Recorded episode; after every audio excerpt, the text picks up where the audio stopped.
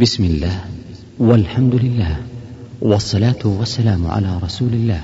يسر تسجيلات الراية الإسلامية بالرياض أن تقدم لكم شرح كتاب التوحيد للإمام المجدد محمد ابن عبد الوهاب رحمه الله تعالى هو الذي قام بشرحه فضيلة الشيخ عبد الرحمن ابن ناصر البراك. والآن نترككم مع الشريط الأول. الحمد لله رب العالمين. قال شيخ الإسلام محمد بن عبد الوهاب رحمه الله تعالى الحمد لله وصلى الله على محمد وعلى آله وسلم. كتاب التوحيد وقوله تعالى وما خلقت الجن والإنس إلا ليعبدون وقوله ولقد بعثنا في كل أمة رسولا أن اعبدوا الله واجتنبوا الطاغوت. وقوله وقضى ربك ألا تعبدوا إلا إياه وبالوالدين إحسانا. إما يبلغن عندك الكبر أحدهما أو كلاهما فلا تقل لهما أف ولا تنهرهما.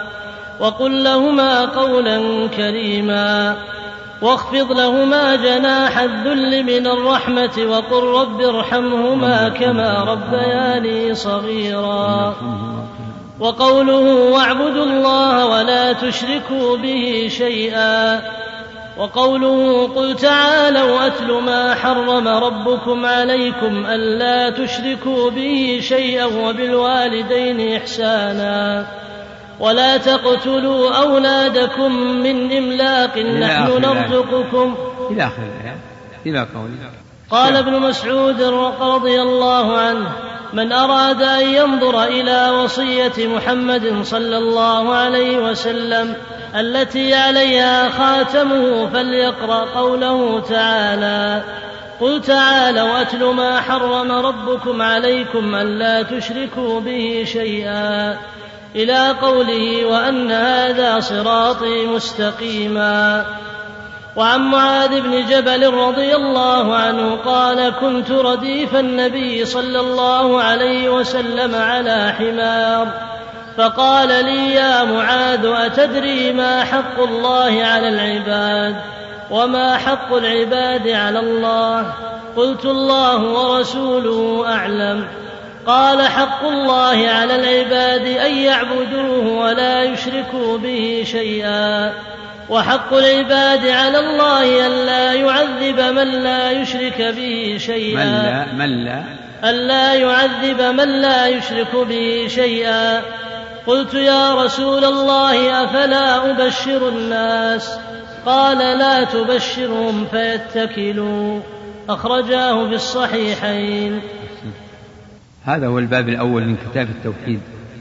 تأليف الإمام المجدد الشيخ محمد بن عبد الوهاب رحمه الله الذي جدد من درس من معالم التوحيد ونهض لجهاد في ذلك بالنفس والقلم فأحيا الله به الدين وجدد به الدين في هذه البلاد وامتدت آثار دعوته في سائر الأقطار ولكن انتفع به أهل هذه البلاد وسط الجزيرة انتفعوا بدعوته ولا تزال آثارها يتفيأها الناس وينعمون بها. ونحن ولله الحمد ممن ناله أثر هذه الدعوة المباركة. فجزاه الله عن الإسلام والمسلمين خيرا. وقد عني رحمه الله بتأليف المؤلفات لتقرير هذا الأصل العظيم الذي هو التوحيد. التوحيد هو أصل دين الرسل كلهم من أولهم إلى آخره. ومن هذه المؤلفات هذا الكتاب. فكتاب التوحيد الذي هو حق الله على العبيد من خير ما ألف في بابه وقد جرده عن الكلام الذي ينشئه هو. فكل أبوابه إنما هي نصوص آيات وأحاديث وبعض الآثار ولكنه أتبع كل باب بمسائل هي عبارة عن فوائد بطريقة مختصرة. وهذا الكتاب في مضمونه يتضمن تقرير التوحيد بأنواعه الثلاثة ولكن المقصود الأعظم هو تقرير توحيد الإلهية الذي انحرف عنه أكثر الخلق. وصدر هذا الكتاب بذكر الأدلة على منزلة التوحيد ووجوب التوحيد.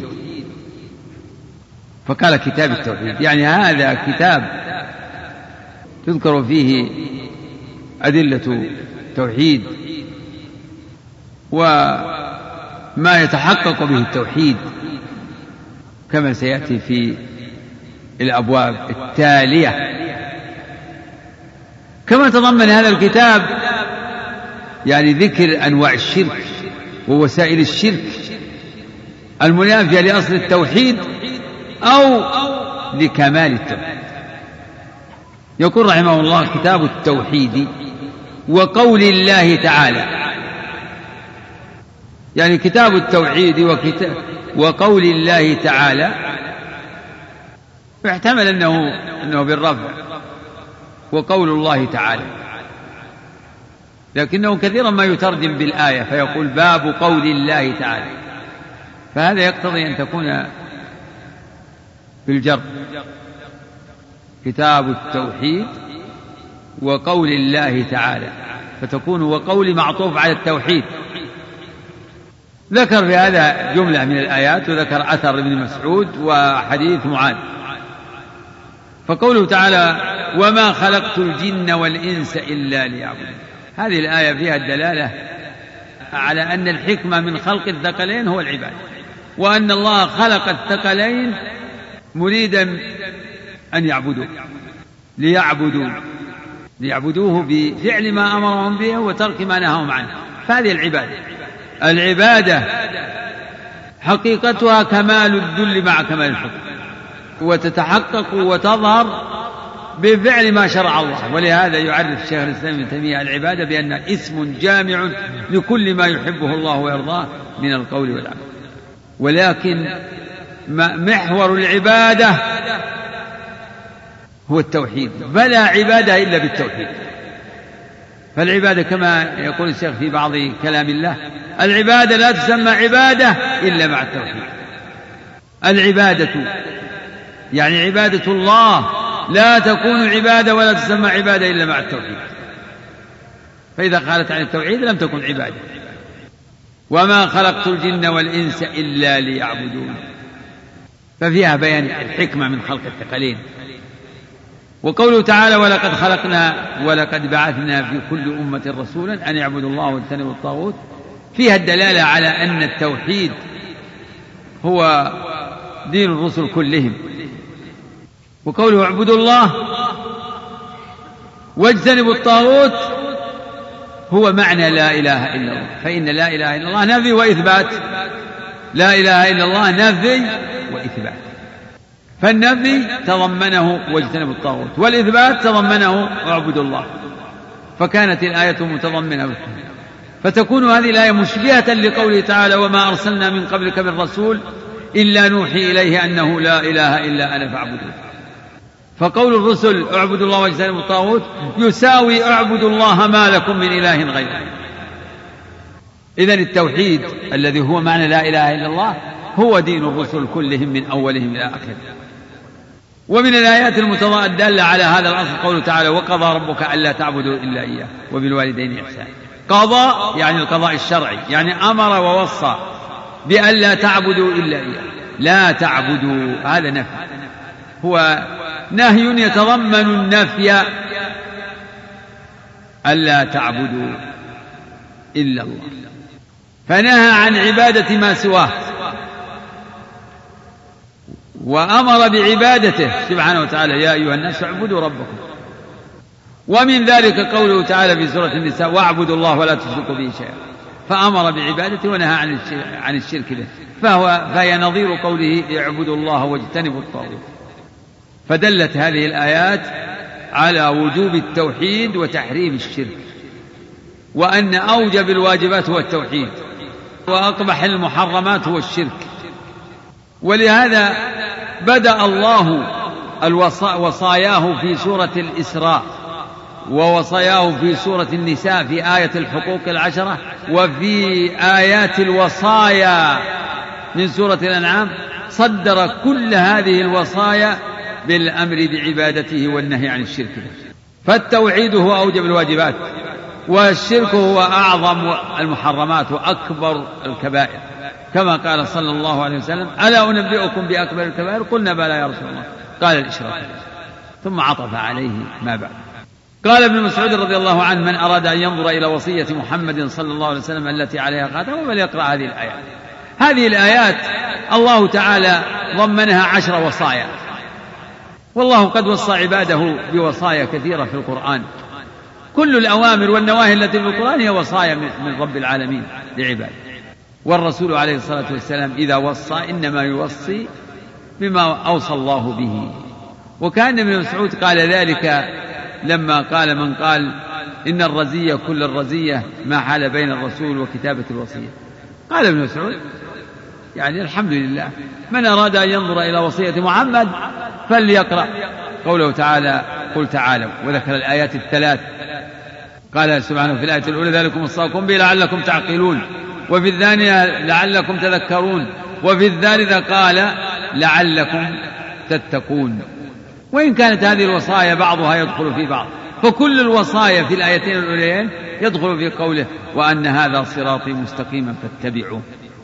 الأمر باتباع الصراط المستقيم هو وصية بكل الأوامر.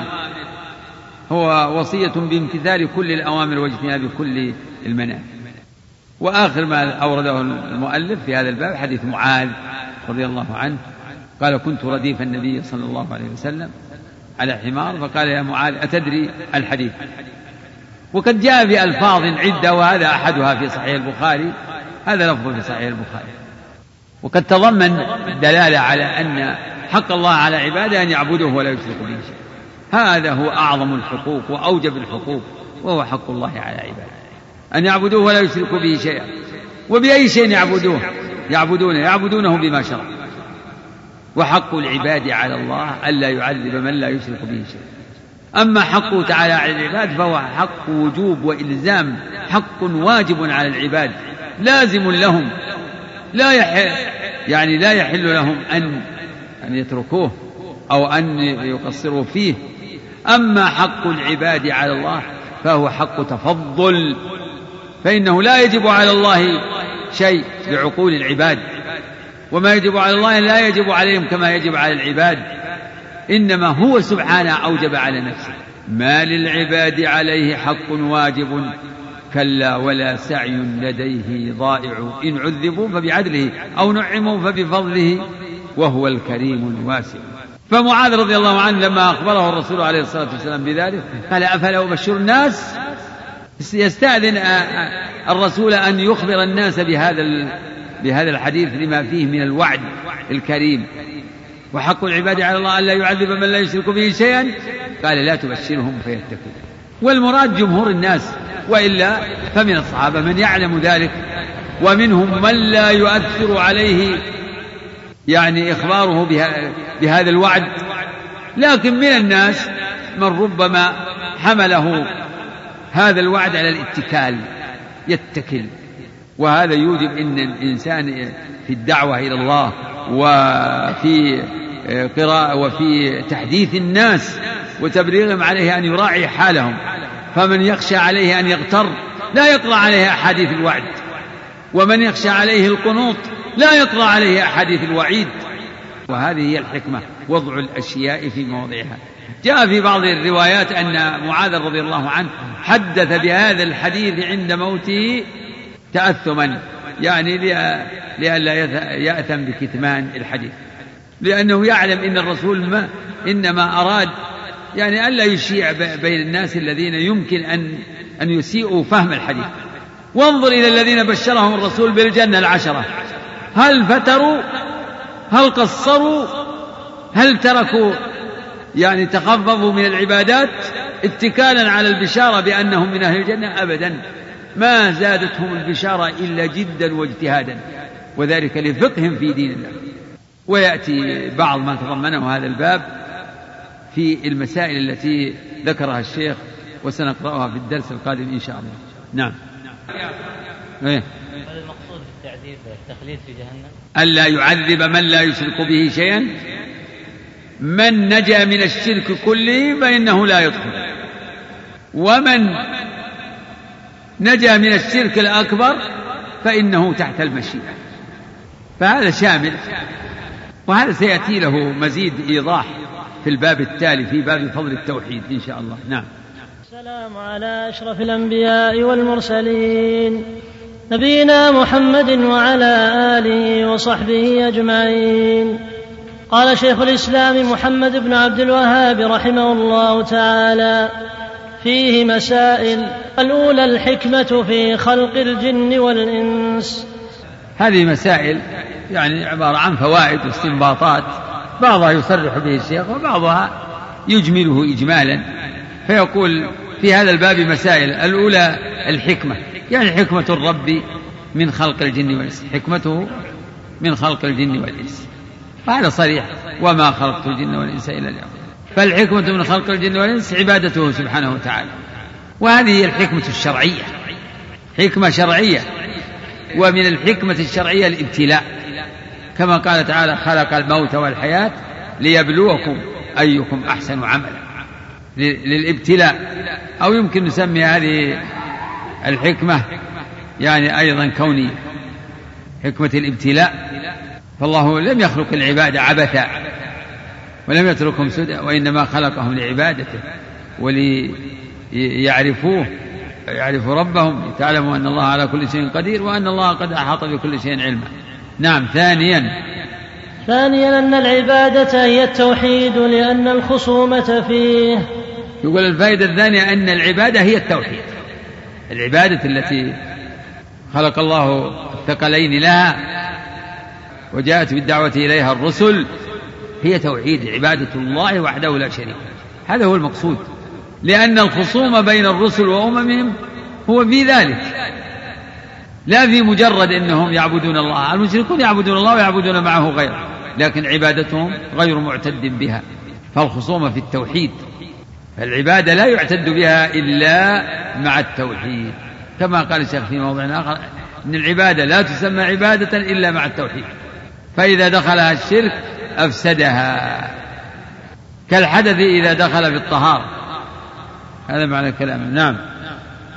الثالثة أن من لم يأتي أن من لم يأتي به لم يعبد الله. أن من لم يو...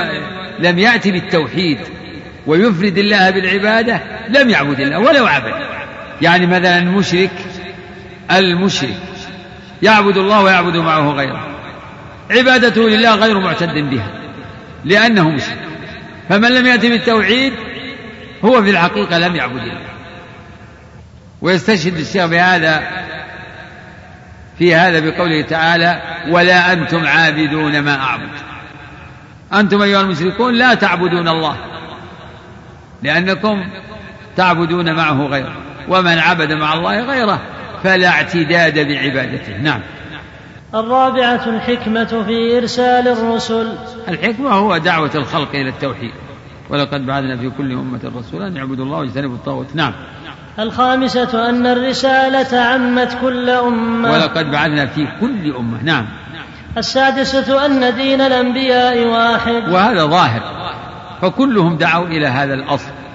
اعبدوا الله واجتنبوا الطاغوت. فدين فدين الرسل كلهم هو الإسلام. والإسلام قائم على التوحيد. فحقيقة الإسلام عبادة الله وحده لا شريك له وطاعته في أمره ونهيه. فدين الرسل. وقد صرح النبي صلى الله عليه وسلم بهذا.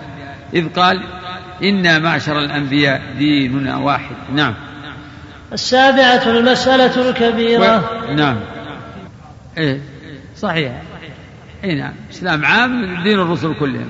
والإسلام الخاص هو ما بعث الله به محمدا عليه الصلاة والسلام. نعم.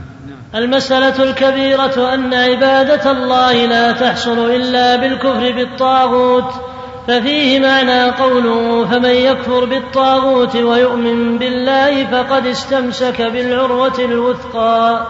كذلك يقول من من فوائد هذا الباب مسألة كبيرة عظيمة وهي أن عبادة الله سبحانه وتعالى لا تحصل إلا مع الكفر بالطاغوت. مجرد إفراد الله بالعبادة ما يكفي حتى يكفر الإنسان بالطاغوت. قد يقول قائل أنا لا أعبد إلا الله لكن هؤلاء الذين يعبدون أنا ما أقول فيهم شيء ولا ما أحكم ما أقول فيهم شيء. لا نقول لا ينفع لا يكفي. لا تكون موحدا ولا عابدا لله حتى تكفر بالطاغوت.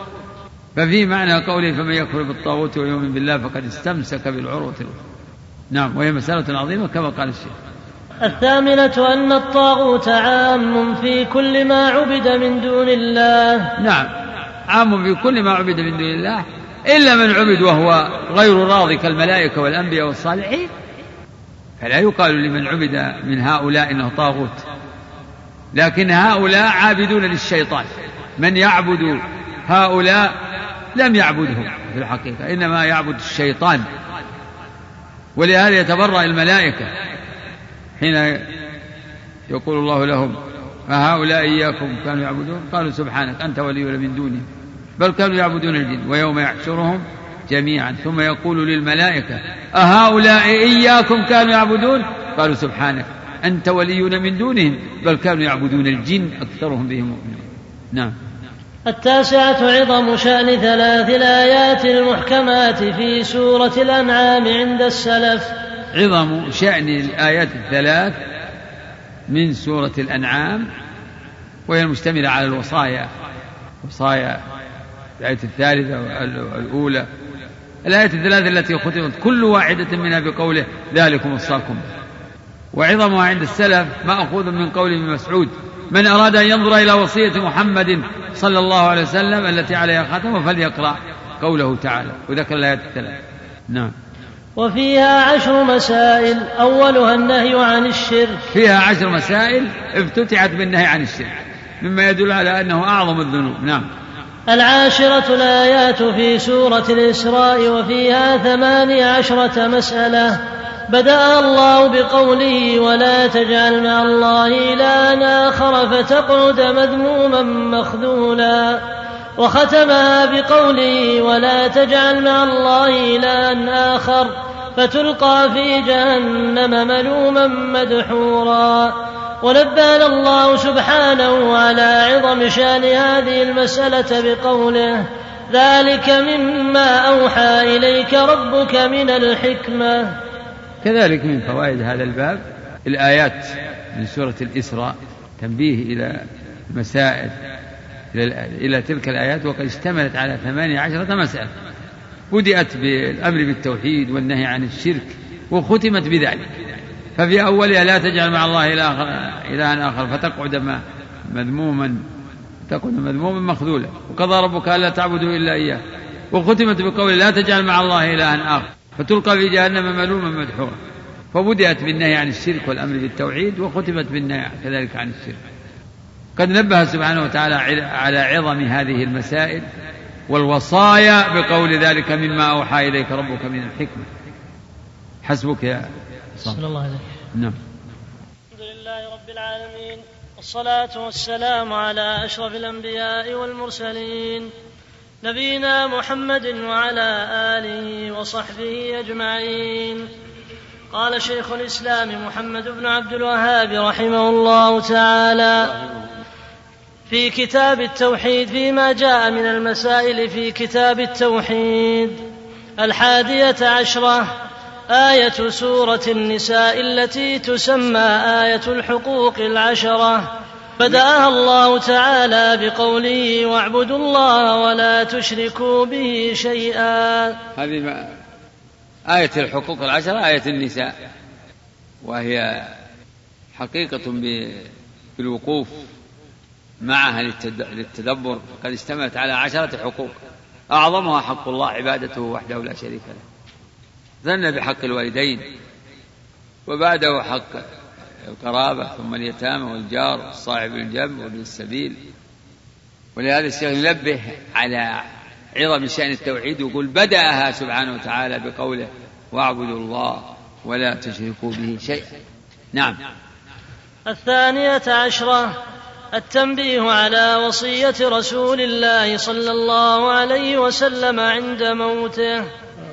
هذه مأخوذة من قول ابن مسعود من أراد أن ينظر إلى وصية محمد صلى الله عليه وسلم التي عليها ختمه فليقرأ. يقول الشيخ التنبيه إلى وصية النبي صلى الله عليه وسلم. اقرأ الوصية. التنبيه. التنبيه على وصية رسول الله صلى الله عليه وسلم عند موته. التنبيه على وصيته عند موته. يقول ابن مسعود من أراد أن ينظر إلى وصية محمد فليقرأ. الرسول عليه الصلاة والسلام عند موته أراد أن يوصي بشيء أن يوصي أمته بأمر فدعا بالدوات والقرطاس ليكتب فاختلف عنده الصحابة فقال قوموا عني قوموا عني إنه لا ينبغي لأمة يتنازعوا عند نبيهم أو كما قال عليه الصلاة والسلام. فقاموا ولم يوصي بشيء ولم فجاء عن ابن عباس أنه قال إن الرزية كل الرزية ما حال بين النبي وبين كتابة الوصية. فقال ابن مسعود من أراد أن ينظر إلى وصية محمد فليقرأ الآية. الأمر الحمد لله ما فات شيء. دين الله كامل وتام. ولو أوصى النبي بشيء لأوصى بهذه الآيات وما في معناها. نعم. الثالثة عشرة معرفة حق الله علينا. وهو عبادته وحده لا شريك له ومأخذها هذه المسألة مأخوذة من حديث معاذ. نعم. الرابعة عشرة معرفة حق العباد عليه إذا أدوا حقه. وهذه مأخوذة من حديث معاذ وهو حق العباد على الله ألا يعذب من لا يشرك به شيئا. فحقهم ألا يعذبهم إذا أدوا حقه وهو عدم الشرك. به معرفة حق العباد على الله إذا أدوا حقه فحق العباد مشروط بحقه بالقيام بحقه. نعم. الخامسة عشرة أن هذه المسألة لا يعرفها أكثر الصحابة. يقول من فوائد حديث معاذ أن هذه المسألة وهي يعني مسألة حق الله وحق العباد. هذه المسألة لا يعرفها أكثر الصحابة لقوله أفلا أبشر الناس؟ قال لا تبشرهم. فيتكلوا. وقوله إنه لا يعلمها أكثر الناس هذا فيه تأمل عندي. يعني أكثر الصحابة لا يعرفونها ما ليس بالأمر الظاهر ما هو الظاهر عندي. لكنه لكن من الناس من إذا ذكر أو ذكر له هذا أحدث عنده اتكال. وهم تجدهم يعني حديث العهد بالكفر. ومثل الأعراب. أما خيار الصحابة وفضلاء الصحابة فإن هذا لا يخفى عليه. والله أعلم. وأولئك هم الذين يخشى عليهم من الاتكال الأطراف. هم الذين يخشى. ولهذا قال لا تبشرهم فيتكل. نعم. السادسة عشرة جواز كتمان العلم للمصلحة. جواز كتمان العلم لأنه قال لا تبشرهم فيتكلوا. فأمره بالكتمان تحقيقا للمصلحة وهي عدم التوك... عدم الاتكال. لا تبشرهم. نهاه عن الإخبار بهذا الحديث خشية أن يتكلوا على ذلك. قال لا تبشرهم فيتكلوا. وهذا ظاهر. نعم. السابعة عشرة استحباب بشارة المسلم بما يسره. استحباب بشارة المسلم بما يسره مأخوذ من قول معاذ أفلا أبشر الناس؟ ولا شك أن إدخال السرور على المسلم إنه من الخير ومن العمل الصالح ومن مقتضيات الأخوة إدخال السرور. نعم. الثامنة عشرة الخوف من الاتكال على سعة رحمة الله. نعم. الاتكال على سعة رحمة الله يعني مما يخشى منه ومما ينشأ عنه مفاسد وهو التفريط الاتكال على سعة رحمة الله يفضي بصاحبه إلى التفريط والتهاون اتكالا على سعة رحمة الله. بل الواجب التوكل على الله مع الأخذ بالأسباب والجد في طلب الخيرات والجد في تجنب المحرمات. نعم. التاسعة عشرة قول المسؤول عما لا يعلم الله ورسوله أعلم. نعم. إذا سئل الإنسان عما لا يعلم يقول الله أعلم أو يقول الله ورسوله أعلم الأمر في هذا واسع. المهم أنه لا يتكلف ويقول ما لا علم له به. نعم. العشرون جواز تخصيص بعض الناس بالعلم دون بعض. نعم لا هذا مأخوذ من أنه عليه الصلاة والسلام خص معاذا بهذا وأفضى إليه بهذا. يجوز تخصيص بعض الناس بالعلم دون بعض. لأن الناس است... لأن استعداد الناس ليس على حال واحدة. فبعض الناس يمكن لا إذا ذكرت له أحاديث الوعد اتكل وتمادى في المعصية وتهاون بالواجبات. ومن الناس من إذا ذكرت له أحاديث الوعيد زاده خوفا وزاده قلقا حتى يؤدي به إلى القنوط. وكلا الأمرين ذميم نعم. الحادية والعشرون. تواضع صلى الله عليه وسلم لركوب الحمار مع الإرداف عليه. نعم من فوائد حديث معاذ دلالته على تواضع الرسول عليه الصلاة والسلام. وتواضعه من وجهين من جهة ركوبه العمار لأن العمار ما هو دابة يعني ذات أبهة و لا دابة يركبها سائر الناس وضعفة الناس ويركبها العمال. ومن جهة أخرى الإرداف كونه ركب مع واحد. أهل يعني أهل النخوة وأهل آه، الترفع. نعم لا يرغب الواحد منهم أن يركب معه أحد. إذا يركب وحده. فهنا فيه الدلالة على تواضع عليه الصلاة والسلام لركوبه الحمار ولمن ومن جهة الإرداف عليه. نعم. الثانية والعشرون جواز الإرداف على الدابة. فيه دلالة على جواز الإرداف. يجوز أن يركب على الدابة اثنين وثلاثة لكن بشرط. إذا كانت تطيق ذلك. أما إذا كان يضرها أو أنها يمكن أن تحرن فإنه لا ينبغي الإرداف يعني لأن الشريعة من مقاصدها يعني الرفق الرفق بالحيوان. بعض الناس لا يرحم أبدا بل يحمل الدابة ما لا تطيق.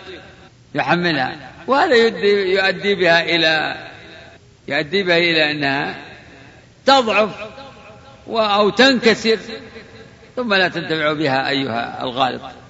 نعم. انتهى. الرابعة والعشرون نعم. عظم شأن هذه المسألة. عظم شأن هذه المسألة وهي مسألة حق الله. لأن الرسول نبه معاذ إليها. وفي بعض الروايات فيها أنه قال له تدري ما حق الله؟ أنه قال يا معاذ قلت لبيك وسعديك. فقال أتدري ما حق الله؟ قلت الله ورسوله أعلم. يقول فمضى وقت ثم أعاد عليه السؤال. وأعاد ذلك الجواب وفي الثالثة فسر له الجواب. نعم. لفضيلة معاذ بن جبل رضي الله عنه. نعم فضيلة معاذ هذه ظاهرة. يدل على كرامته على الرسول حيث أركبه معه وخصه بشيء من العلم دون من سواه. هذه فضيلة من فضائل معاذ رضي الله عنه. حسبك يا عصام. بسم الله عليك. الله ورسوله أعلم من كان في حياته في حياته أو بعد ما مات. الأمر واضح نعم. هو ما يدري. إحنا قلنا إنه يدري. إحنا ما نقول إنه يعلم أحوال الناس. إحنا نقول الله ورسوله أعلم. أنت ما تقول فلان أعلم من فلان يعني العلماء الأولين. ابن تيمية أعلم من ابن القيم ولا ما هو أعلم؟ كيف يا عصام؟ بسم الله عليك. والصلاة والسلام على أشرف الأنبياء والمرسلين نبينا محمد وعلى آله وصحبه أجمعين. قال المؤلف رحمه الله تعالى باب فضل التوحيد وما يكفر من الذنوب. وقول الله تعالى الذين آمنوا ولم يلبسوا إيمانهم بظلم أولئك لهم الأمن. أولئك لهم الأمن وهم مهتدون. وعن عبادة بن الصامت رضي الله عنه قال قال رسول الله صلى الله عليه وسلم من شهد أن لا إله إلا الله وحده لا شريك له وأن محمدا عبده ورسوله وأن عيسى عبد الله ورسوله وكلمته ألقاها إلى مريم وروح منه والجنة والجنة حق والنار حق. أدخله الله الجنة على ما كان من العمل. اخرجاه ولهما في حديث عتبان إن الله حرم على النار من قال لا إله إلا الله. من قال لا إله إلا الله يبتغي بذلك وجه الله. حسبك. يقول الشيخ رحمه الله باب فضل التوحيد. يعني هذا باب ذكر وبيان فضل التوحيد وما يكفر من الذنوب. يعني وذكر الذي يكفره من الذنوب أو ذكر تكفيره بالذنوب ما مصدرية أو موصولة. والراجع أنها موصولة فيكون التقدير باب فضل التوحيد وتكفيره للذنوب. باب عظم ثوابه وتكفيره للذنوب التوحيد وذلك بذكر ما يدل على ذلك ما يدل على فضل التوحيد وعلى تكفيره للذنوب. وأول ذلك قوله تعالى الذين آمنوا ولم يلبسوا إيمانهم بظلم أولئك لهم الأمن وهم مهتدون. هذه الآية جاءت جواب من إبراهيم عليه السلام أو جواب من الله على قول إبراهيم. فأي الفريقين أحق بالأمن إن كنتم تعلمون؟ فالجواب الذين آمنوا ولم يلبسوا إيمانهم بظلم أولئك لهم الأمن وهم مهتدون. الذين آمنوا أصل الإيمان هو التوحيد. قال ولم يلبسوا إيمانهم بظلم أي بالشرك وهذا هو تفسير رسول الله صلى الله عليه وسلم للظلم. وفي حديث ابن مسعود في الصحيحين إنه لما نزلت هذه الآية شق ذلك على أصحاب رسول الله صلى الله عليه وسلم. وقالوا أينا لم يظلم نفسه؟ فقال ألم تسمعوا إلى قول العبد الصالح إن الشرك لظلم عظيم؟ أولئك لهم الأمن يعني هم من أهل الأمن والهدى. الذي لم يلبس إيمانهم بالظلم أي بالشرك الأكبر فهؤلاء من أهل الأمن والهدى. والأمن والهدى على مراتب متفاوتة. فمن نجا من الظلم كله فله الأمن التام والهدى التام. ومن نقص نقص. فالذين اجتنبوا الظلم بأنواعه لهم الأمن التام والهدى التام. ومن ظلم نفسه وهو موحد فله الأمن له الأمن من الخلود في النار. إذا فهو لا يأمن دخول النار. فله مطلق الأمن ومطلق الهدى. نعم. فمن سلم من الظلم كله فله الأمن التام والهدى التام. ومن وقع في شيء من أنواع الظلم نقص حظه من الأمن والهدى بحسب ما وقع فيه من الظلم. والله أعلم. وعن عبادة بن الصامت رضي الله عنه قال رسول الله صلى الله عليه وسلم من شهد أن لا إله إلا الله؟ إلى آخر الحديث.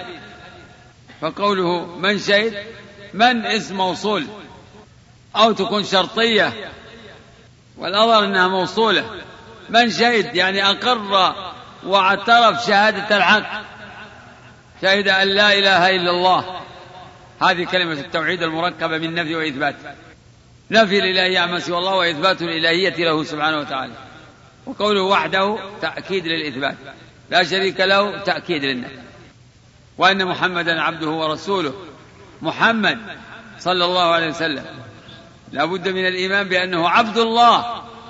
أكمل الخلق عبودية. وهو رسول الله إلى جميع الناس بل إلى الثقلين. فمن شهد هذه الشهادة فقد أصاب واعتقد الحق في الرسول صلى الله عليه وسلم.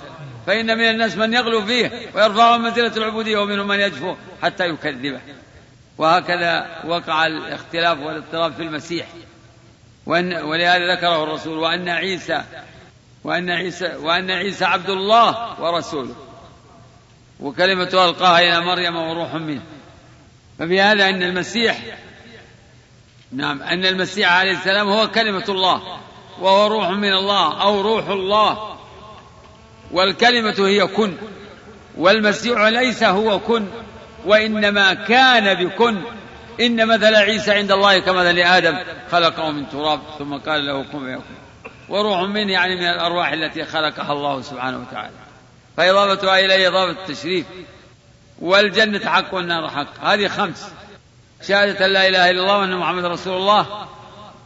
وأن عيسى عبد الله ورسوله. كلمة ألقاها إلى مريم وروح منه. قال في الحديث أدخله الله الجنة. هذا جواب الشرط أو خبر المبتدأ. أدخله الله الجنة.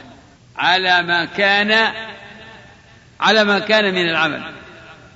قيل في معنى على ما كان من العمل يعني أدخله الله الجنة على ما كان من عمل عمل صالح أو فاسد. فمآله إلى دخول الجنة وإن قدر أنه يعذب بذنوبه. فمآله لدخول الجنة. أدخله الله الجنة على ما كان من العمل. وقال بعضهم أدخله الله وأنزله مسكنا في الجنة بحسب عمله والجنة درجات. وكل من المعنيين محتمل وله وجه. في حديث عتبان رضي الله عنه. في حديث طويل. قال عليه الصلاة والسلام إن الله حرم على النار. من قال لا إله إلا الله حرمه الله على النار. أو إن الله حرم فإن الله حرم على النار من قال لا إله إلا الله. حرمه. من حرمه الله على النار لا يدخلها. من حرمه الله على النار فإنه لا يدخلها فهنا يقول عليه الصلاة والسلام فإن الله حرم على النار من قال لا إله إلا الله. يبتغي بذلك وجه الله. وهذا من أحاديث الوعد. هذا والذي قبله من أحاديث الوعد. يتمسك بها أهل الإرجاء. ولا دليل لهم فيها. فأهل السنة يردون هذا النص وأمثاله إلى النصوص الدالة. يردون النصوص بعضها إلى بعض. فقولوا إن الله حرم على النار من قال لا إله إلا الله. هذا يجب أن يحمل على كمال التوحيد وأنه قال على وجه لا يصر فيه على معصية. يبتغي بذلك وجه الله فيه التنبيه على الإخلاص. يبتغي بذلك وجه الله. إن الله حرم على النار من قال لا إله إلا الله. يبتغي بذلك وجه الله. ومما تقدم يتبين إن هذا التوحيد لا يكفي وحده بل لا بد لا يكفي وحده بل لا بد من الإخلاص والصدق شروط لا إله إلا الله. الصدق والإخلاص والمحبة والقبول والإذعان والعلم. وليس فيه لأهل الأرجاء متمسك بل يعمل على من كان من الكمة للمؤمنين أو حدث له توبة وإنابة. يبتغي بذلك وجه الله. سيأتي الكلام على مسائل هذا الباب ويحصل التعرض لبعض ما يتعلق بهذا الحديث وما قبله. والله أعلم. كيف يا عصام؟ الله. الحمد لله رب العالمين والصلاة والسلام على أشرف الأنبياء والمرسلين نبينا محمد وعلى آله وصحبه أجمعين قال المؤلف رحمه الله تعالى وعن أبي سعيد الخدري عن رسول الله صلى الله عليه وسلم قال قال موسى يا رب علمني شيئا أذكرك وأدعوك به. قال قل يا موسى لا إله إلا الله. قال يا رب كل عبادك يقولون هذا. قال يا موسى لو أن السماوات السبع وعامرهن غيري والأرضين السبع في كفة ولا إله إلا الله في كفة مالت بهن لا إله إلا الله. رواه ابن حبان والحاكم وصححه. وللترمذي وحسنه عن أنس رضي الله عنه قال سمعت رسول الله صلى الله عليه وسلم يقول قال الله تعالى يا ابن آدم لو أتيتني بقراب الأرض خطايا ثم لقيتني لا تشرك بي شيئا لأتيتك بقرابها مغفرة. بارك الله عن أبي سعيد الخدري رضي الله عنه عن النبي صلى الله عليه وسلم أنه قال قال موسى يا رب موسى بن عمران كريم الله. يخبر النبي عليه الصلاة والسلام عن موسى أنه قال يا رب علمني شيئا أذكرك وأدعوك به. قال قل يا موسى لا إله إلا فهي ذكر ودعاء وهي كلمة التوحيد ذات الشأن العظيم. قال يا رب كل عبادك يعني كل عبادك المؤمنين كل عبادك المؤمنين يقول لا إله إلا الله. فظهر من هذا أنه يريد شيئا يتميز به ويختص به ويفضله الله به. كل عبادك يقولون هذا. قال يا موسى لو أن السماوات السبع لو أن السماوات السبع وعامرهن غيري أي وساكنهن غيري فالله تعالى يقال إنه في السماء كما قال تعالى أمنتم من في السماء. ومعنى أنه في السماء يعني في العلو الأعلى فوق كل شيء. ليس معناه أنه في داخل السماوات. وعامرهن غيري والارضين السبعه لو كانت هذه العوالم في كفه من الميزان ولا إله إلا الله في كفه مالت بهن لا إله إلا الله. هذا دليل على فضل هذه الكلمة وعظيم شأنها عند الله وثقلها في الميزان. وهذه الموازنة بالنظر لحقيقة ومضمون هذه الكلمة الأمر ظاهر. فمضمونها وحقيقتها هو ما شهد الله به لنفسه من تفرده بالالهيه وهذا وبطلان كل معبود سواه. وهذا المعنى عظيم. فلا بد لو وزن لا رجح لا رجح بهذه العوالم. وكذلك وكذلك إذا اعتبرت بمن يقولها من الكمل من المؤمنين. فهذه الكلمة من أحدهم ثقيلة في الميزان. حق لها أن ترجح بتلك العوالم لو وضعت تلك العوالم في كفة لا يرجح بها شيء ولكن هذه الكلمة إذا قال باعتبار من يقولها إذا كان منافق أو ضعيف الإيمان هل هل تزن شيئا؟ نعم هل تزن شيء؟ لا تزن شيء ولهذا صاحب البطاقة إنما ثقلت هذه الكلمة بتلك السجلات لأنه لا بد أنه قالها على وجه قام بقلبه قام بقلبه حقيقة الإخلاص والإيمان واليقين والذل والخضوع والحب والإجلال. ولم يعمل بعد هذا هذه الحال سيئات فلذلك رجحت رجعت هذه البطاقة بتلك السجلات. وقوله والأراضين الأراضين جمع يعني ما هو جمع ملحق بجمع المذكر السالم.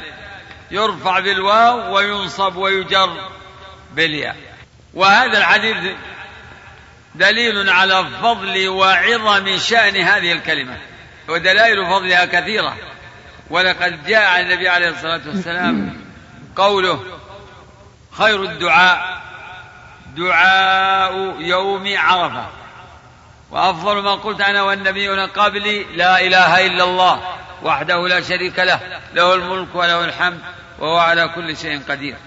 وهي الكلمة التي جعل إبراهيم أو جعلها الله في عقب إبراهيم وهي الكلمة التي دعا إليها الرسول صلى الله عليه وسلم أهل الكتاب إلى كلمة السواء بيننا وبينكم أن لا نعبد إلا الله ولا نشرك به شيئا. وفي هذا الحديث فوائد سيذكرها أو يذكر بعضها الشيخ في المسائل. وأما حديث أنس وهو حديث قدسي وفيه يا ابن آدم لو أتيتني بقراب الأرض يعني بملئها أو قريب من ملئها. بقراب الأرض خطايا ذنوب ثم لقيتني لا تشرك بي شيئا لأتيتك بقرابها مغفرة. ولعله يوضع هذا ما تقدم من ال من من الكلام على حديث البطاقة. صاحب هذه البطاقة أو صاحب هذه الكلمة التي قالها في غاية من كمال الإخلاص والمحبة والإقبال فهذا قد تجرد من الشرك فغفر الله له ذنوبه. قال لو أتيتني بقراب الأرض خطايا ثم لقيتني لا تشرك بي شيئا لأتيتك بقرابها مغفرة. وسيأتي الكلام على بعض فوائد نصوص هذا الباب في مسائل, المسائل التي أثبتها الشيخ رحمه الله. نعم. لا بأس. والله ما أنا ما عندي فيه يعني تحرير للحكم عليه لكن الحديث صححه بعض الأئمة إلا يظهر أنه فيه, فيه كلام. نعم في الحديث فيه كلام متكلم فيه. لكن الأمر في هذا واسع. أهل العلم يذكرون بعض الأحاديث وإن كان في بعضها مقال ما دامت تدل على معنى صحيح ثابت بالأدلة الصحيحة. نعم. فيذكر الشيء للاعتضاد لا للاعتماد. نعم. صحاح أي فتح الباري. وأحال إيه. جيد جزاك الله خير. هذا بس ينبغي انك تراجع عليك تراجع تأكيدا نتأكد.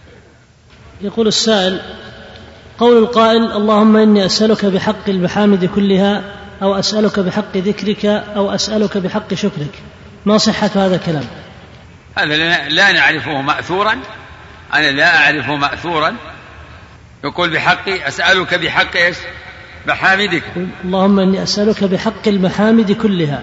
بحق المحامد كلها. بحق المحامد كلها. هذا لفظ مجمل محتمل. بحق المحامد يعني بحق حمدي لك أو بحق حمد العباد لك أو بحق ما اتصفت به من المحامد والصفات الحميدة فهو كلام مجمل وليس بمستقيم. وإذا لم يكن مأثورا كان يعني تخصيصه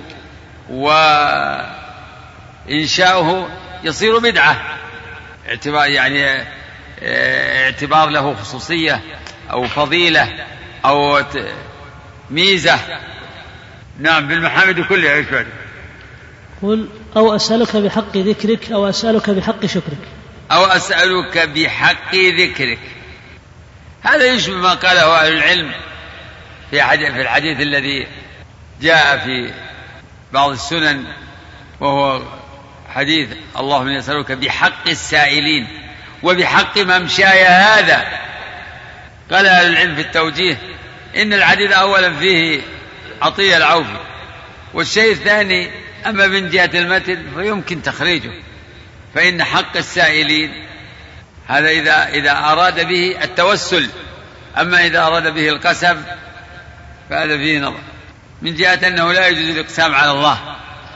أسألك بحق السائلين عليك وبحق ممشاي هذا وبحق ممشاي هذا.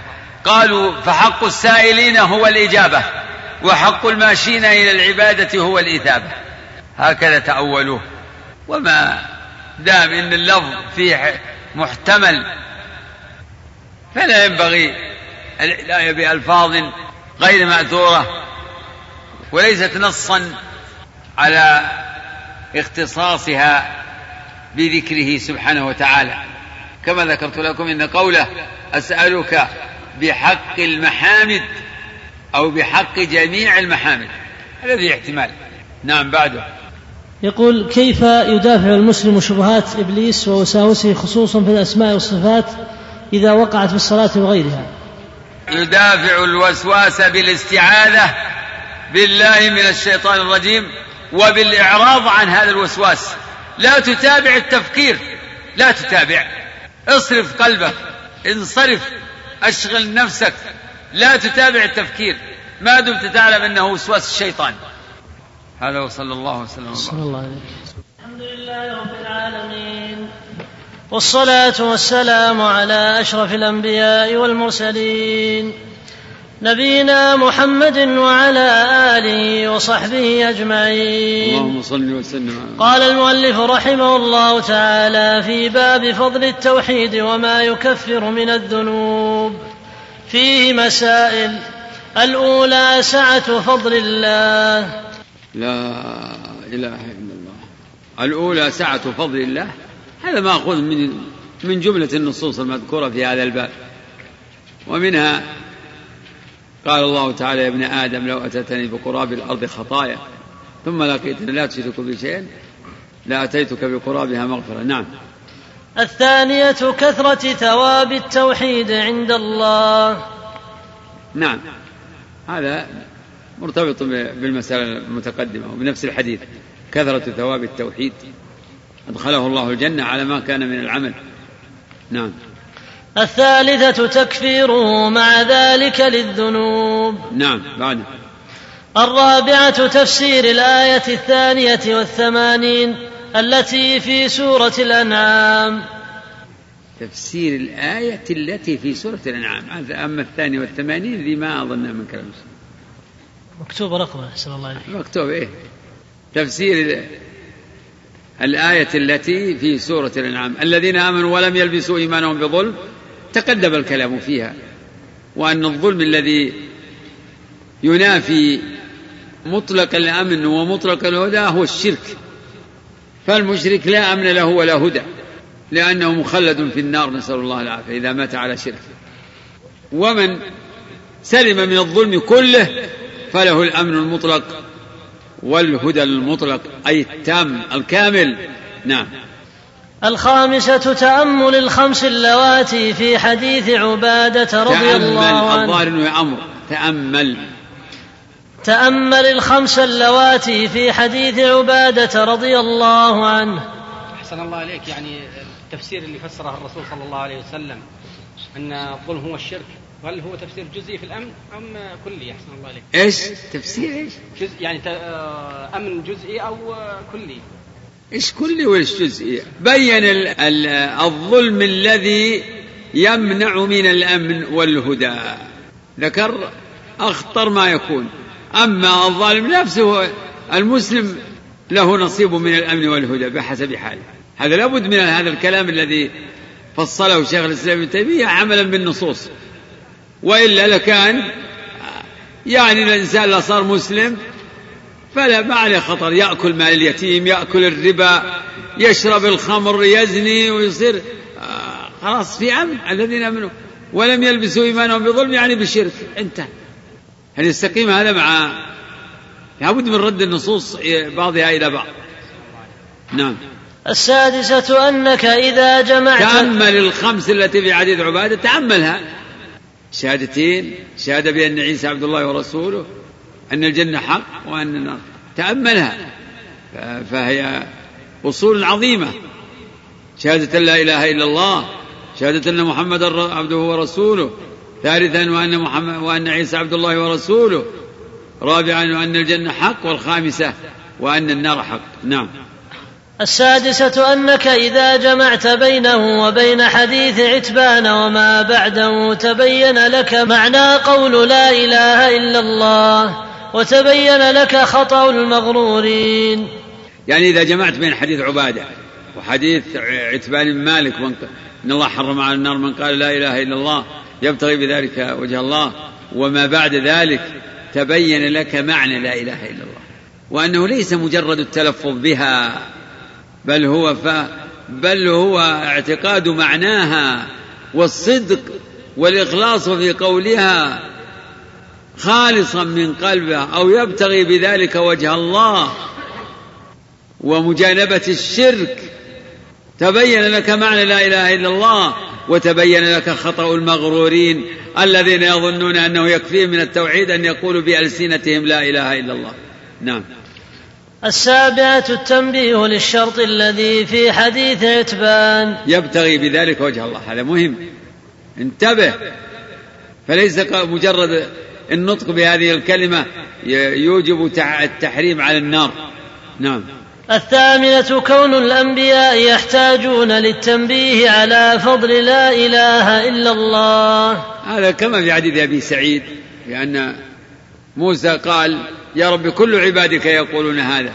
قال يا, يا, يا موسى لو أن السماوات السبع وعامرهن غيري والأرض السبع. فبين له فضل هذه الكلمة. نعم. التاسعة التنبيه لرجحان لرجحانها بجميع المخلوقات مع أن كثيرا ممن يقولها يخف ميزانه. نعم هذا انتبه له. هذا الرجحان لهذه الكلمة أنا ذكرت إنها يعني باعتبار حقيقتها نعم. معناها مع معنى عظيم بل هو أعظم شيء وهو ما شهد الله به لنفسه. شهد الله أنه لا إله إلا هو. وباعتبار أنها عمل المكلف إنما ترجع بالسماوات والأرض إذا صدرت عن كمال عن كمال الصدق وكمال الإخلاص. وإلا فكثيرا ممن يقولها يخف ميزانه نعم. العاشرة النص على أن الأراضين سبع كالسماوات. نعم هذا صريح الحديث. لو أن السماوات السبع عامرهن غيري والأراضين السابع. فنص. ولا دل على هذا من السنة ظاهرة.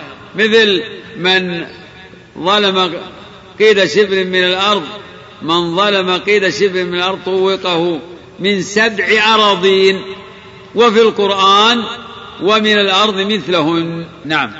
المسألة الحادية عشر.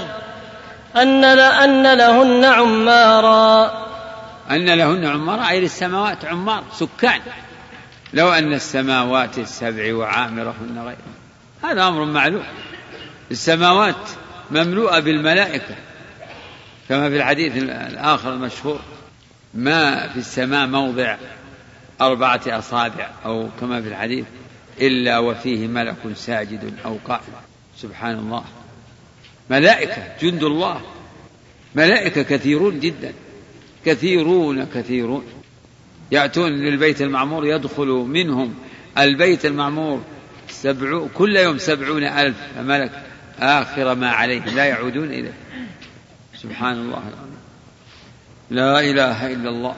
الله. وعامرهن غيري. نعم. الثانية عشر.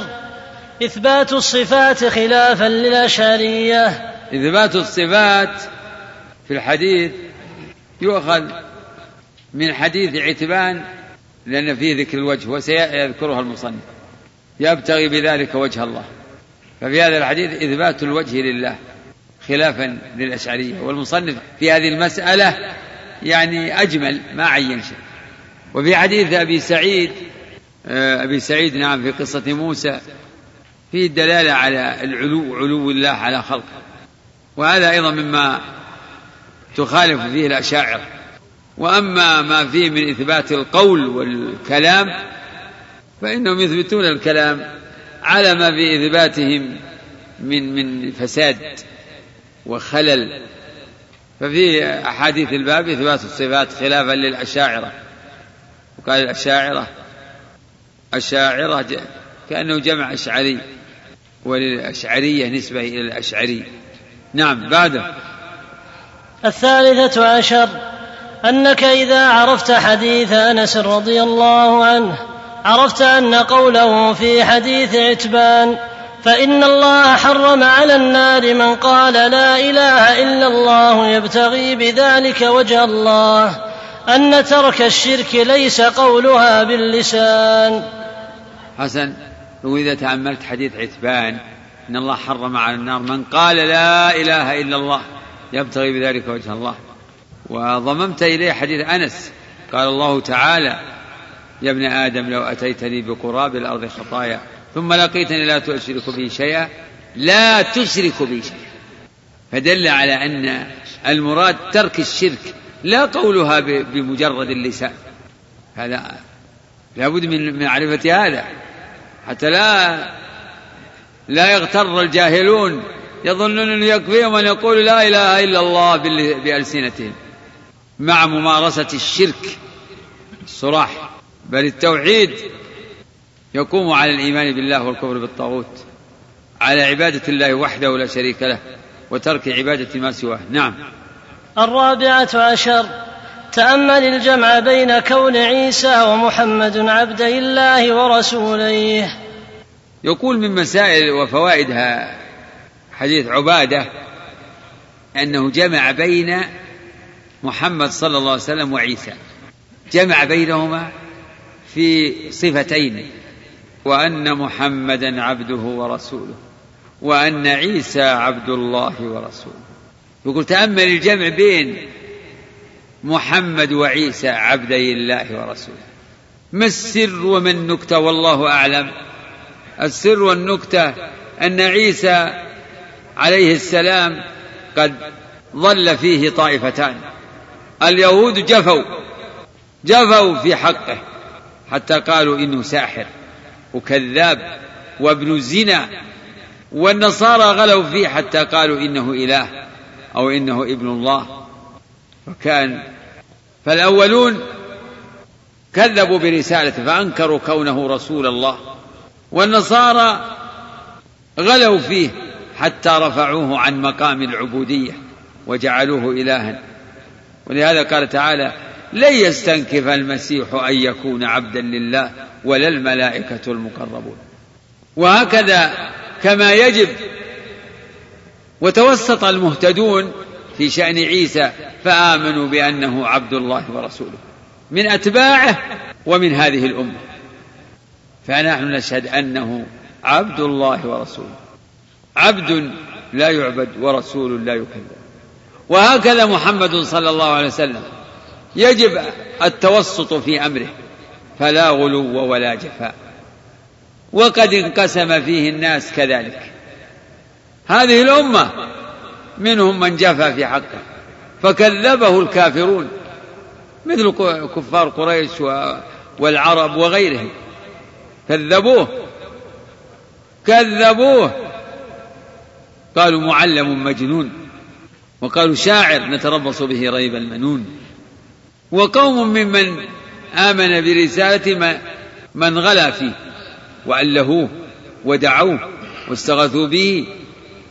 فكان الواجب هو الإيمان والشهادة بأنه عبد الله ورسوله. تحقيقا لقوله عليه الصلاة والسلام لا تطروني كما أطرت النصارى ابن مريم إنما أنا عبد فقولوا عبد الله ورسوله. نعم. صلى الله عليه وسلم. الخامسة عشرة معرفة اختصاص عيسى بكونه كلمة الله. هذا أيضا من الفوائد اختصاص عيسى بأنه كلمة الله. الله سماه كلمة. وليس معنى ذلك أنه هو نفس ال... نفس كلام الله. هو مخلوق. فتسميته كلمة بمعنى أنه كان بالكلمة. فهو كان بكن وليس هو كن. كما قاله الإمام أحمد في الرد على الجهمية والزنادقة فالله سمى عيسى كلمة كلمة ألقاها إلى مريم وروح كلمة. والمعنى أنه كائن بالكلمة. كما قال سبحانه إن مثل عيسى عند الله كمثل آدم خلقه من تراب ثم قال له كن فيكون. وقال سبحانه وتعالى قالت الملائكة يا مريم الله يبشرك بكلمة منه. اسمه المسيح عيسى ابن مريم. وجيء في الدنيا والآخرة. ومن المقربين. ويكلم الناس في المهد وكهلا ومن الصالحين. قالت رب أنى يكون لي ولد ولم يمسسني بشر. قال كذلك الله يخلق ما يشاء. إذا قضى أمرا فإنما يقول له كن فيكون. ذلك عيسى ابن مريم قول الحق الذي فيه يمترون. ما كان لله أن يتخذ من ولد سبحانه. إذا قضى أمرا فإنما يقول له كن فيكون. بعد.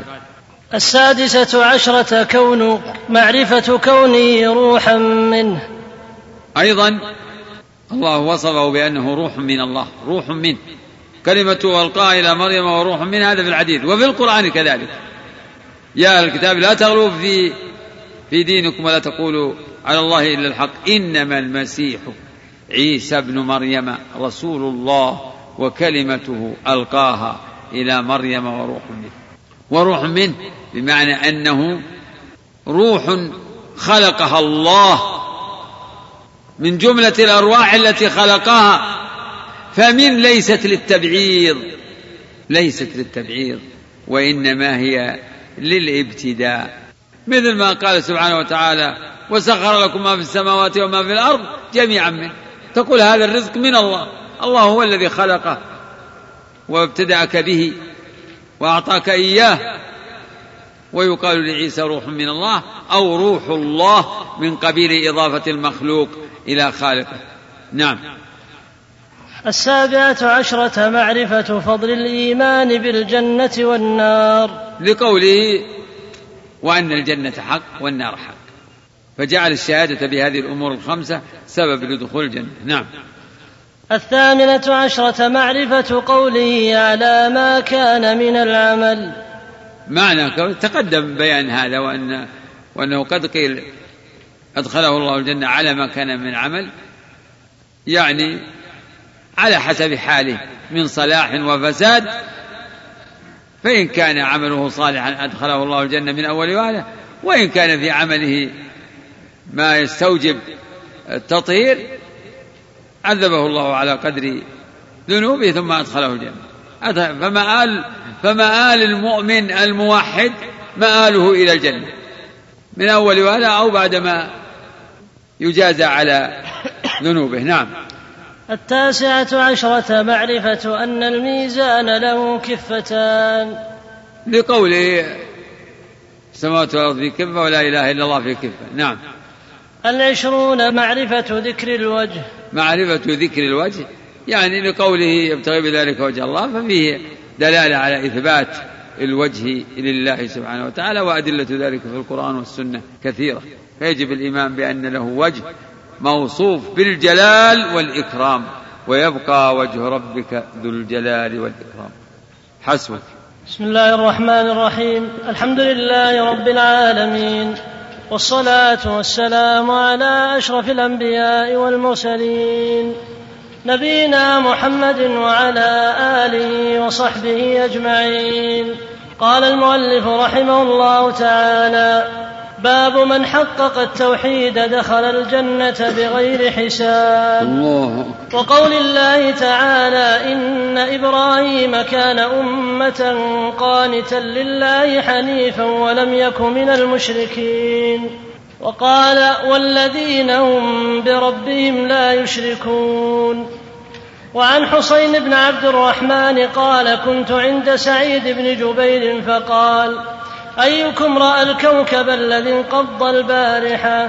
فقلت أنا ثم قلت أما إني لم أكن في صلاة ولكني لدغت. قال فما صنعت؟ قلت ارتقيت. قال فما حملك على ذلك؟ قلت حديث حدثناه الشعبي قال وما حدثكم؟ قلت حدثنا عن بريدة بن الحصيب أنه قال لا لا رقية إلا من عين أو حمى. قال قد أحسن من انتهى إلى ما سمع. ولكن حدثنا ابن عباس عن النبي صلى الله عليه وسلم أنه قال عرضت علي الأمم فرأيت النبي ومعه الرهط والنبي ومعه الرجل والرجلان والنبي وليس معه أحد. إذ رفع لي سواد عظيم فظننت أنهم أمتي فقيل لي هذا موسى وقومه فنظرت فإذا سواد عظيم فقيل لي هذه أمتك ومعهم سبعون ألفا يدخلون الجنة بغير حساب ولا عذاب. ثم نهض فدخل منزله فخاض الناس في أولئك فقال بعضهم فلعله الذين صحبوا رسول الله صلى الله عليه وسلم. وقال بعضهم فلعلهم الذين ولدوا في الإسلام فلم يشركوا بالله شيئا وذكروا أشياء.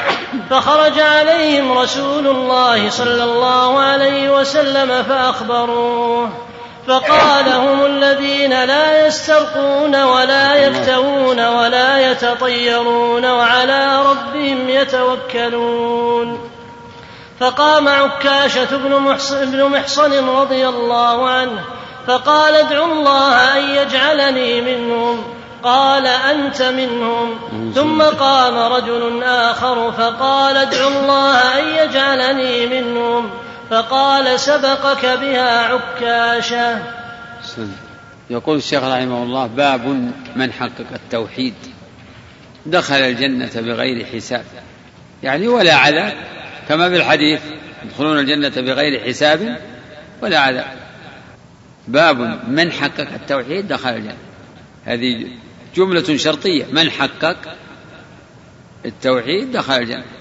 بغير حساب ولا عذاب وتحقيق التوحيد تخليصه وتصفيته من شوائب الشرك والبدع والمعاصي. فإن الشرك الأكبر ينافي أصل التوحيد فيكون صاحبه كافر. والشرك الأصغر وسائر المعاصي والبدع ينافي كماله الواجب فتحقيقه باجتناب ما ينافي أصله وينافي كماله الواجب. وقول الله تعالى إن إبراهيم كان أمة قانتا لله حنيفا. أمة. الأمة كما تقدم تطلق على معاني على الجماعة وعلى المدة وعلى الملة كلها لها شواهد في القرآن. وتطلق على الإمام القدوة. إمام قدوة الخير. وهذا إبراهيم إمام الحنفاء عليه الصلاة والسلام. إن إبراهيم كان أمة قانتا لله يعني مقيما ودائما ودائم الطاعة لربه حنيفا مائلا. مأخوذ من الحنف وهو ميل يكون في القدم حنيفا. إن إبراهيم كان أمة قانتا لله حنيفا ولم يكن من المشركين. ليس من المشركين في شيء. وفي هذا دلالة على تحقيقه التوحيد فهو إمام الحنفاء عليه الصلاة والسلام. ولهذا أمر الله نبيه بالاقتداء به ثم أوحينا إليك أن اتبع ملة إبراهيم حنيفا وما كان من المشركين. بعدها بعد الآية الأولى. وقال تعالى والذين هم بربهم لا يشركون فأثنى عليهم بالسلامة من الشرك. فتحقيق التوحيد يكون باجتناب الشرك كله. الأصغر منه والأكبر. عن حسين بن عبد الرحمن قال كنت عند سعيد بن جبير تابع صاحب ابن عباس المعروف. فقال أيكم رأى الكوكب الذي انقض البارحة يعني أيكم رأى الكوكب الذي رمي به؟ فكأنه يعني غير عادي كأنه رأى كأنه حدث انقضاض. يعني شديد الإضاءة. ليس أمرا عاديا لو كان أمرا عاديا ما كان هناك موجب للسؤال. فقال حسين أنا أنا رأيته ثم قال مستدركا ومحترزا عن أن يظن به أنه أنه قام أنه يقوم الليل أو أنه قام من أجل قيام الليل. قال أما إني لم أكن في صلاة. أنا شفت الكوكب أنا ما ما قمت من أجل أني أصلي. لا تظنون. عجبا. لورع السلف. هذا ضد الذين يتزينون ويحبون أن يحمدوا بما لم يفعلوا. قال فما صنعت؟ قال قلت ارتقيت. الظاهر أنه يعني إني استرقيت. قال فما حملك على ذلك؟ قال حديث حدثناه الشعبي. قال وما حدثكم؟ قال حدثنا عن بريدة بن الحصيب أنه قال لا رقية إلا من عين أو حمى. وهذا حديث مرفوع إلى الرسول عليه الصلاة والسلام. كما سينبه عليه الشيخ في باب ما جاء في الرقى والتمائم. لا رقية إلا من عين أو حمى. لا رقية أنفع من الرقية من العين الإصابة بالعين. أي عين الحاسد أو الحمى وهي السم الذي يكون من لدغة ذوات السموم فالرقية أنفع ما تكون من هذا وذاك. قال سعيد قد أحسن من انتهى إلى ما سمع. يقول قد أحسنت لأنك ما تصرفت عن مجرد عن رأي مجرد يعني عملت بالدليل. ولكن حدثنا ابن عباس رضي الله عنهما أن النبي صلى الله عليه وسلم قال عرضت علي الأمم. عرضت علي الأمم. أين عرضت؟ الله أعلم. عرضت عرضا يعني عرضت عليه في اليقظة أو عرضت عليه في المنام عرضت عليه في ليلة الإسراء كل ذلك لا ندري عنه. يكفينا أنها عرضت عليه عليه الصلاة والسلام على أي وجه أو على أي حال. قال فرأيت النبي ومعه الرهط والرهط من الثلاثة إلى العشر. والنبي ومعه الرجل والرجلان ما مع إلا واحد وبعضهم مع اثنين. والنبي وليس معه أحد. ولعل هذا يعني لم يؤمن به أحد أو آمن من آمن به ثم نكص على عقبيه. والنبي وليس معه أحد. قال ثم رفع لي في الأفق سواد عظيم. يطلق على ما يرى من بعد ولا يميز. تميز حقيقته يطلق في يسمى في اللغة سواد. يعني كما لو رأيت شخصا بعيدا تقول يعني أرى سواد سوادا مقبلا. سواد عظيم. قال فظننت أنهم أمتي فقيل لي هذا موسى وقوم. ثم رفع لي سواد آخر عظيم. فقيل لي هذه أمتك ومعهم سبعون ألفا يدخلون الجنة بغير حساب ولا عذاب. وهذا هو الشاهد من سياق هذه القصة وهذا الحديث. ثم الرسول عليه الصلاة والسلام نهض فدخل منزله فخاض الناس يبحثون من من هؤلاء السبعين؟ وما أعمالهم وما صفاتهم فبعضهم قال لعل ولعل.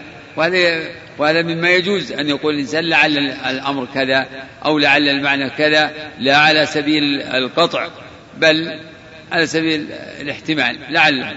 لعلهم الذين ولدوا في الإسلام فلم يشركوا بالله شيئا. وقال بعضهم لعلهم الذين صحبوا الرسول صلى الله عليه وسلم.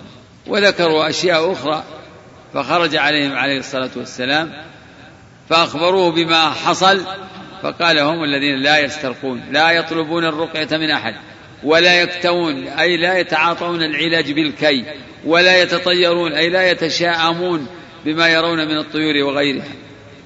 وجماع ذلك أنهم على ربهم يتوكلون يعتمدون عليه ولا يلتفتون ولا يعتمدون على الأسباب ولا يتعاطون الأسباب المكروهة.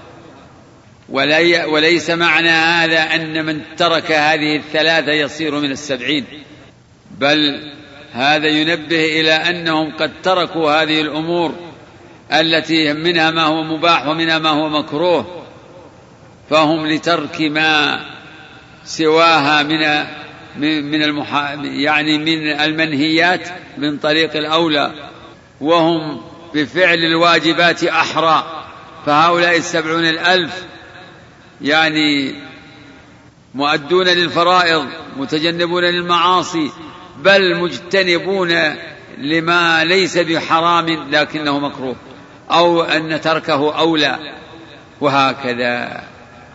فيجب أن يتنبه. فيقال في هذا إنه من باب التنبيه بالأدنى على الأعلى وعلى ربهم يتوكلون. فقام عكاشة بن محصن ألهمه الله هذه الهمة. فقال يا رسول الله ادعو الله أن يجعلني منهم. في بعض الألفاظ قال اللهم اجعله منهم وفي هذه الرواية قال أنت منهم. فقام رجل آخر فقال يا رسول الله ادعو الله أن يجعلني منهم.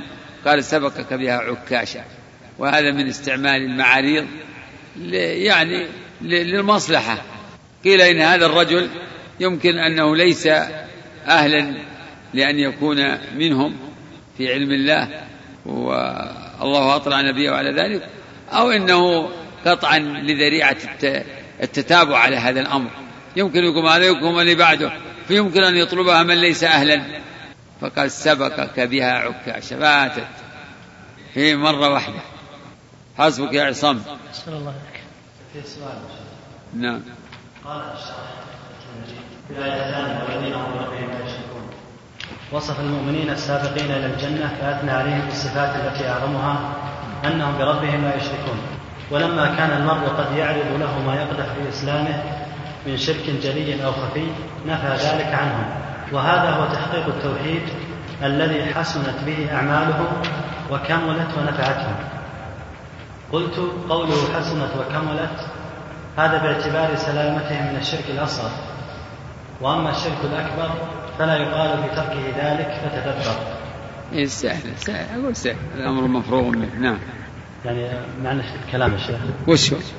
مقصوده يعني. ما ما عرفت إشكالك. ما؟ إيش فيه؟ يعني ما الملاحظة في الكلام الأول؟ انه لما ذكر الشرك الأكبر أنه أنه حسنت أعمالهم بترك الشرك الأكبر والأصغر. يقول إن ترك الشرك الأكبر لا يقال فيه إن حسنت أعمالهم بتركه بل إن أعمالهم لا, لا تصح ب... إلا بتركه فتركه لا يوجب حسن أعمالهم. غاية الأمر أن تصح أعمالهم. ملاحظ؟ نعم واضح. نعم.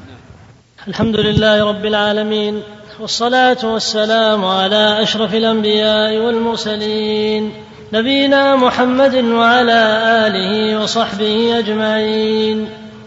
قال المؤلف رحمه الله تعالى فيه مسائل الأولى معرفة مراتب الناس في التوحيد. يعني أن الناس في التوحيد ليسوا على مرتبة فمنهم المحقق للتوحيد ومنهم من دون ذلك فهم درجات متفاوتة. لا يعلم تفاوت ذلك إلا الله. نعم. الثانية ما معنى تحقيقه؟ تقدم أنه تخليصه وتصفيته من شوائب الشرك والبدع والمعاصي تخليصه مما ينافي أصله أو ينافي كماله الواجب. نعم. الثالثة ثناؤه سبحانه على إبراهيم بكونه لم يكن من المشركين. نعم وهذا لتحقيقه التوحيد عليه السلام. نعم. ولا غرو فهو خليل الله فهو إمام الحنفاء. نعم. الرابعة ثناؤه على سادات الأولياء بسلامتهم من الشرك. نعم بقوله تعالى والذين هم بربهم لا يشركون ثناؤه على سادات الأولياء بسلامتهم من الشرك. كله صغيره وكبيره نعم.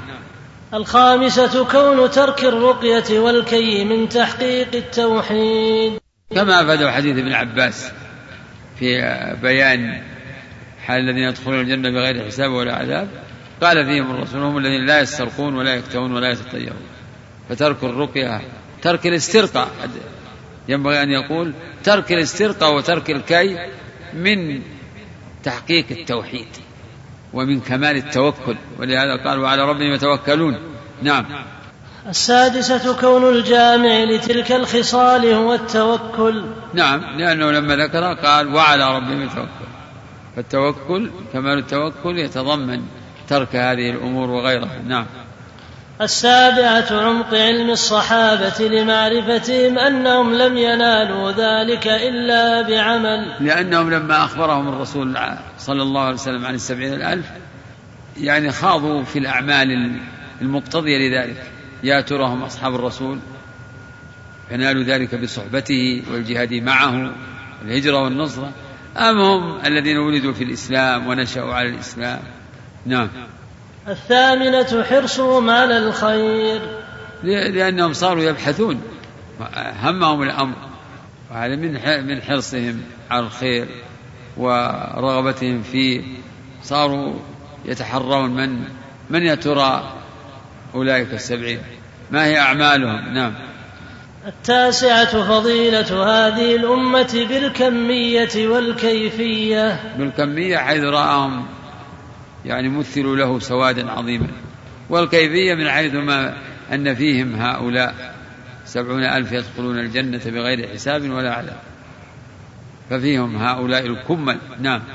العاشرة فضيلة أصحاب موسى. أيضا في الكمية والكيفية. لأنه رفع له سواد عظيم. قال فظننت أنهم فقيل لهذا موسى وقومه. فهذا فيه فضيلة لموسى عليه السلام بكثرة الأتباع ولكن نبينا يفضله في ذلك فهو أكثرهم تابعا صلوات الله وسلامه عليه.